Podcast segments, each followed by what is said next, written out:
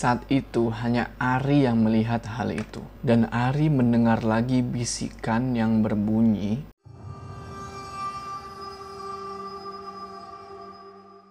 Assalamualaikum teman-teman, balik lagi sama gua Joe. Apa kabar kalian semua? Semoga semua yang menonton video ini diberikan kesehatan, dilancarkan rezekinya, dan dimudahkan segala urusan-urusannya. Kembali lagi di segmen pendakian horormu, di mana di segmen ini gua akan menceritakan kisah-kisah horor pendakian yang bersumber dari kalian. Dan di pendakian horormu kali ini, gua dapat cerita dari seseorang yang bernama Ari, di mana dia dan teman-temannya mempunyai rencana untuk mendaki ke Gunung Sumbing untuk melaksanakan upacara 17-an. Tapi ada satu orang dari rombongannya Ari yang mempunyai niat tidak baik.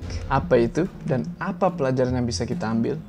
Tonton video ini sampai habis ya. Sebelum kita mulai, jangan lupa kalian like video ini dan bagi yang belum subscribe, subscribe channel ini sekarang supaya kalian gak ketinggalan kisah-kisah horor pendaki lainnya. Oh ya, bagi kalian yang ingin cerita horor pendakian yang gue bikinin video kayak gini, kirim cerita kalian ke email di bawah ini. Udah siap ya? Let's go! Pada awalnya, jumlah orang yang ikut ke pendakian Gunung Sumbing ini hanya berjumlah tujuh orang. Tapi seiring mendekati hari H, bertambah lagi jumlah orang yang ikut sehingga mereka sekarang menjadi 11 orang. Dari 11 orang itu ada satu perempuan. Karena dia sudah berpengalaman, maka si Ari mengizinkan dia untuk ikut. Mereka berangkat dari Semarang jam 9 pagi dan sampai di base camp Garung jam 12.20. Seperti biasanya orang mendaki kan, mereka ngurus administrasi segala macamnya lah. Dari 11 orang yang ikut itu, teman dekat Ari hanya ada empat orang. Sedangkan enam orang lainnya adalah teman dari grup komunitas pendaki di Facebook. Empat orang teman si Ari itu adalah satu Mas Tamam, dua Mas Faiz, tiga Mas Pelolor, dan empat Mas Agus. Singkat cerita, sebelum mereka naik, mereka packing ulang lah tuh carrier mereka kan. Sambil sekalian mereka sholat zuhur. Dan akhirnya mereka sepakat naik jam 2 siang. Pukul 2.15, pendakian pun dimulai. Mereka jalan melewati jalanan aspal dan rumah warga sekitar dan mereka pun sampai di pos 1 jam 2.35.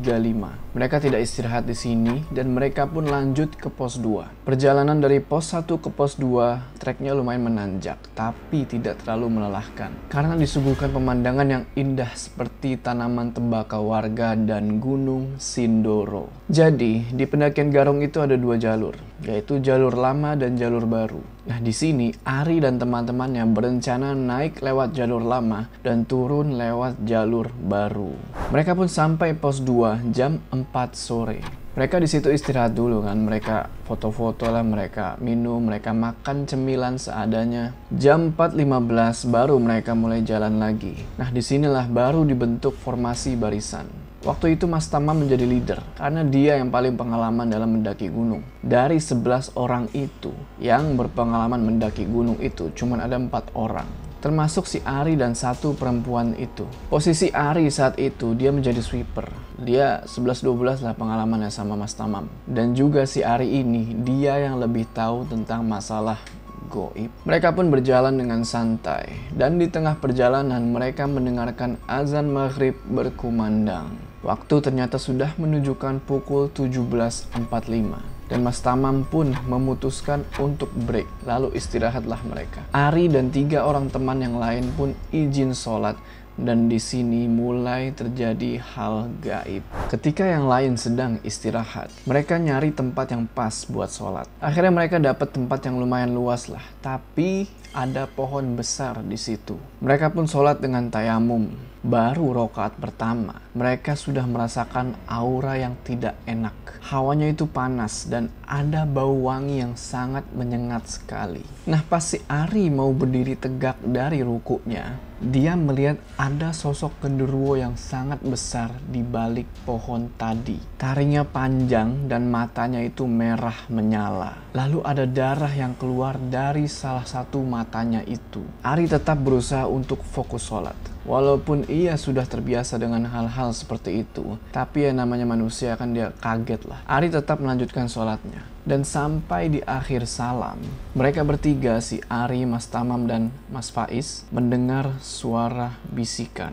Gir, sing ati-ati. Krono rombonganmu ono sing duwe niat elek munggah rene yang kalau diartikan dalam bahasa Indonesia itu kira-kira seperti ini ya. Hati-hati teman rombongan kamu ada yang punya niat tidak baik datang ke sini. Setelah selesai istirahat rombongan pun melanjutkan perjalanan Mas Faiz yang tadinya ada di barisan belakang, sekarang pindah ke tengah buat jaga-jaga kalau bisikan tadi itu benar adanya. Mereka jalan lagi, mungkin sekitar 5 atau 10 menit lagi mereka sampai pos 3. Dan benar, Tiba-tiba ada badai angin di tanjakan yang dengan kemiringan 90 derajat. Ketika menaiki tanjakan yang sangat curam itu, si Ari yang paling belakang, dia yang paling terkena efek hempasan angin itu. Ari waktu itu hampir jatuh. Seingat dia, pegangan akar yang dia pegang itu sudah lepas. Di situ dia memejamkan matanya sambil pasrah dalam hati dia bilang,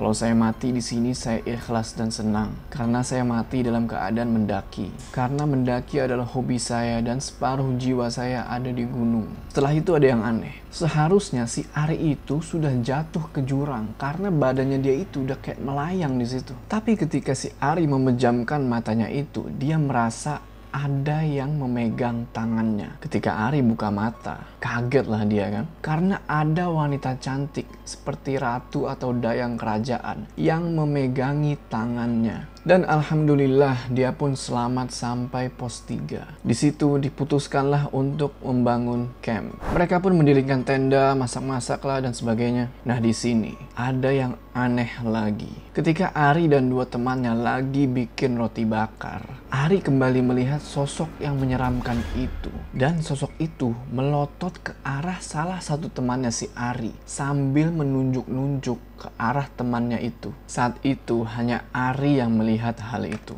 Dan Ari mendengar lagi bisikan yang berbunyi, Ikule sing duwe niat elek, yang artinya dalam bahasa Indonesia itu, dia nak yang punya niat jahat. Si Ari pun kaget. Secara temannya dimaksud oleh makhluk itu adalah anak pesantren. Di sini Ari tetap positive thinking sambil tetap waspada. Akhirnya mereka pun santai-santai, mereka minum kopi, mereka makan roti kan. Waktu saat itu sudah menunjukkan pukul 11 malam ada yang udah tidur, ada yang masih ngobrol-ngobrol. Baru pas jam setengah dua malam, suasana sudah mulai sepi. Tinggal Ari, Mas Tamam, dan Mas Faiz yang masih terbangun. Lalu Ari pun menceritakan tentang bisikan itu. Setelah itu, diputuskanlah kalau besok ketika mereka mau mendaki ke puncak, Tenda-tenda dan alat-alat lainnya ditinggalkan di pos 3 dan formasi barisan diubah. Ari menjadi leader, Mas Faiz di tengah, dan Mas Tamam menjadi sweeper. Pokoknya mereka berusaha untuk menghindari ancaman yang mungkin mengincar salah satu dari rombongan mereka. Keesokan harinya, jam 5 pagi,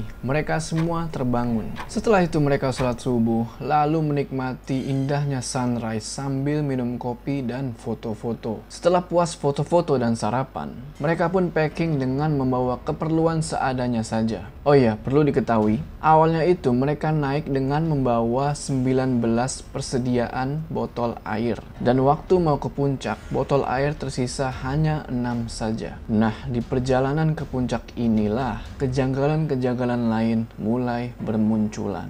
Jam 8.45, mereka pun melakukan perjalanan dengan Ari sebagai leader. Terus mereka jalan sampai mereka tiba di pos 4.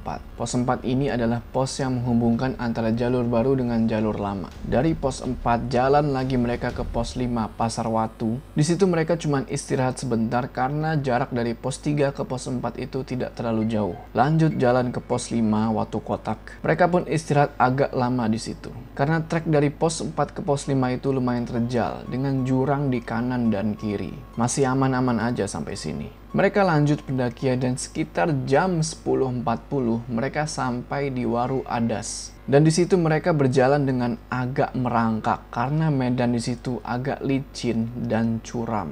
Di situ Ari dan rombongannya bertemu dengan rombongan lain yang ingin turun. Tapi ada yang aneh di sini. Dari rombongan itu, ada satu orang perempuan yang mukanya tidak asing.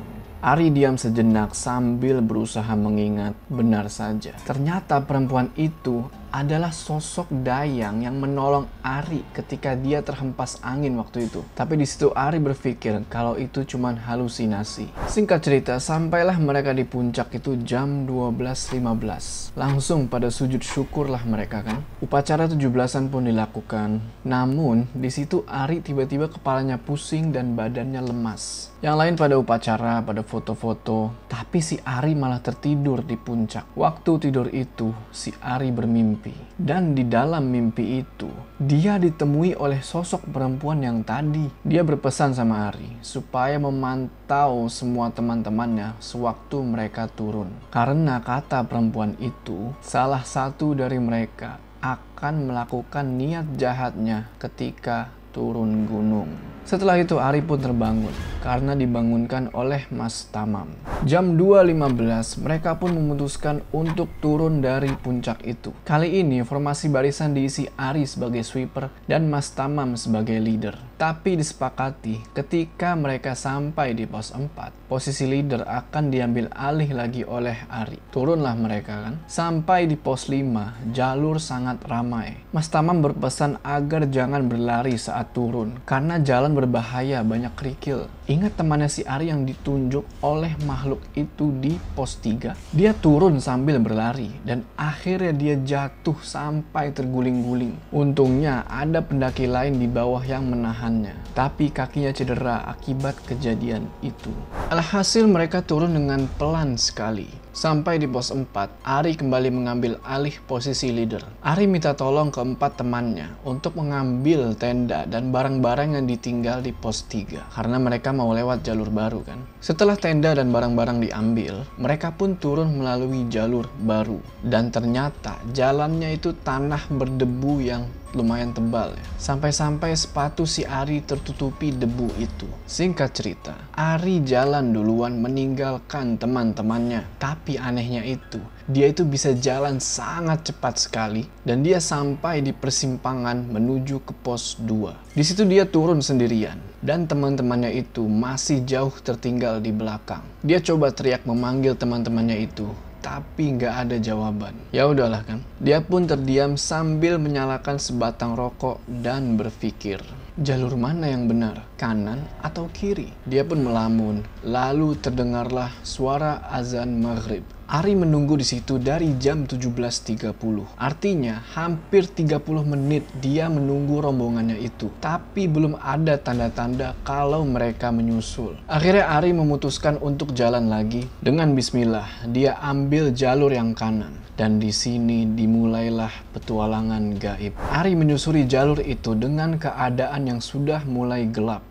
Dia terus jalan, tapi dia belum juga sampai di pos 2. Padahal menurut panduan peta yang didapat dari base camp, jaraknya itu nggak terlalu jauh. Ari akhirnya istirahat sebentar sambil ditemani rokok. Di keheningan itu, Ari mendengar seperti ada suara orang banyak yang bersumber dari arah depan gak jauh dari tempat dia istirahat. Dari suaranya itu, terdengar seperti pasar. Dalam hati, si Ari pun senang dan dia pun melanjutkan perjalanan. Anehnya, semakin si Ari berjalan, semakin hilang rasa lelahnya. Malah yang semula gelap, sekarang kembali terang seperti waktu sore. Sampailah si Ari di suatu perkampungan. Dia pikir itu perkampungan warga dekat pos 1, tapi bukan. Itu adalah perkampungan zaman dahulu. Di situ Ari disambut oleh dayang-dayang yang sangat cantik dan dia dibawa masuk ke dalam sebuah rumah, tepatnya mungkin seperti istana. Ari disambut dengan ramah di situ.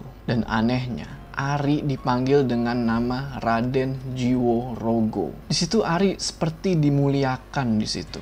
Dan yang tadi menolongnya, ingat perempuan tadi? Itu tuh ternyata permaisuri istana itu. Di situ Ari tersadar kalau dia itu ada di alam lain. Ari pun dikasih tahu oleh permaisuri itu kalau salah satu orang dari rombongannya dia ada yang mengambil bunga Edelweiss. Ternyata itulah yang dimaksud oleh makhluk di pos 3 itu. Tapi si Ari belum percaya sebelum dia bisa membuktikan kalau benar salah satu orang dari rombongannya itu ada yang mengambil bunga Edelweiss. Sebelum Ari berpamitan, ia diberi pesan. Nah pesannya itu adalah di mana pun kita berada, jagalah sopan santun, patuhi peraturan, dan ucapkanlah salam.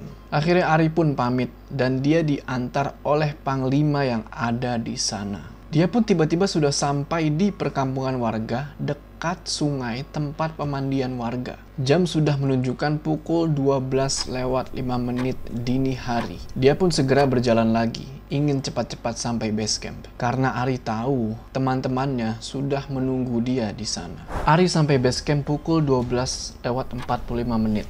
Langsung dia cari rombongannya itu kan. Udah sampai atau belum mereka? Karena di situ Ari takut kalau mereka itu disasarin sama makhluk yang menjaga Idolwise itu. Setelah dicari dan dicari, akhirnya mereka ketemu. Ternyata rombongan si Ari itu pada tidur di musola tempat mereka packing barang-barang sewaktu sebelum mereka berangkat. Tapi di situ cuma ada tujuh orang. Yang tiga lagi ke mana? Ari pun membangunkan temannya yang bernama Mas Agus dan menanyakan keberadaan ketiga orang temannya itu. Ternyata tiga orang itu, Mas Tamam, Mas Faiz, dan Mas Reza, sedang mencari Ari bersama dengan penjaga base camp. Untungnya pada bawah HT, jadi langsung bisa dikabarin kalau si Ari itu sudah sampai base camp dengan selamat. Karena awalnya teman-temannya itu berpikir kalau Ari ini tersesat. Setelah ketemu mereka pun berpelukan dan mereka bertanya sama Ari, apa yang terjadi? Tapi Ari tidak mau menceritakannya. Ari baru mau cerita kalau mereka sudah sampai Semarang. Ari berpesan, ketika sampai di Semarang, tolong jangan pulang dulu. Dia pingin semuanya kumpul di kampus dulu.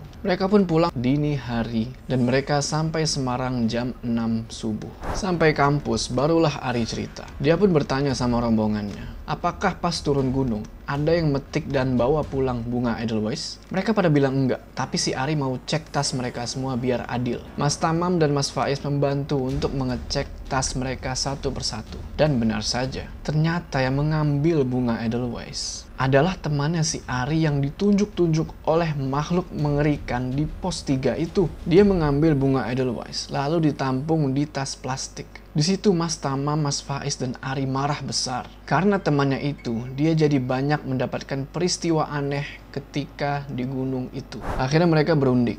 Kapan mau mengembalikan bunga itu? Karena menurut mitos warga setempat, kalau ada yang mengambil bunga Edelweiss dan tidak dikembalikan, maka dia akan selalu dibayangi oleh rasa takut. Akhirnya Ari dan teman yang nakal itu sepakat untuk kembali lagi ke Gunung Sumbing besok pagi. Sesampainya di sana, mereka langsung cerita di base camp apa yang sebenarnya terjadi. Akhirnya orang di base camp mau menerima niat baik mereka, tapi ada syaratnya. Mereka harus melakukan ritual. Tapi di situ temannya si Ari nggak mau. Dan setelah berunding, akhirnya ada pihak warga yang mau membantu meritualkan. Tapi si Ari dan temannya itu yang harus membeli segala keperluannya. Akhirnya dilakukanlah ritual itu. Dan mudah-mudahan kejadian seperti ini tidak terulang lagi. Sedikit pesan dari si Ari. Satu, ketika mendaki gunung, patuhi peraturan yang ada karena kita itu tamu. Dua, hargai semua makhluk di sekitar, baik jin maupun tanaman, agar kita selamat. Oke teman-teman, gimana tuh tadi ceritanya? Semoga kita semua bisa mengambil pelajaran dari cerita ini ya. Kalau jangan pernah mengambil apa pun di gunung, jangan pernah meninggalkan apa pun di gunung, dan jangan pernah membunuh apa pun di gunung. Bagi kalian yang ingin cerita horor pendakiannya, gue bikinin video kayak gini, kirimin cerita kalian ke email di bawah sini ya. Jangan lupa like video ini dan bagi yang belum subscribe, subscribe channel ini sekarang supaya kalian gak ketinggalan cerita horor pendakian selanjutnya. Gua Jo, sampai ketemu di cerita selanjutnya.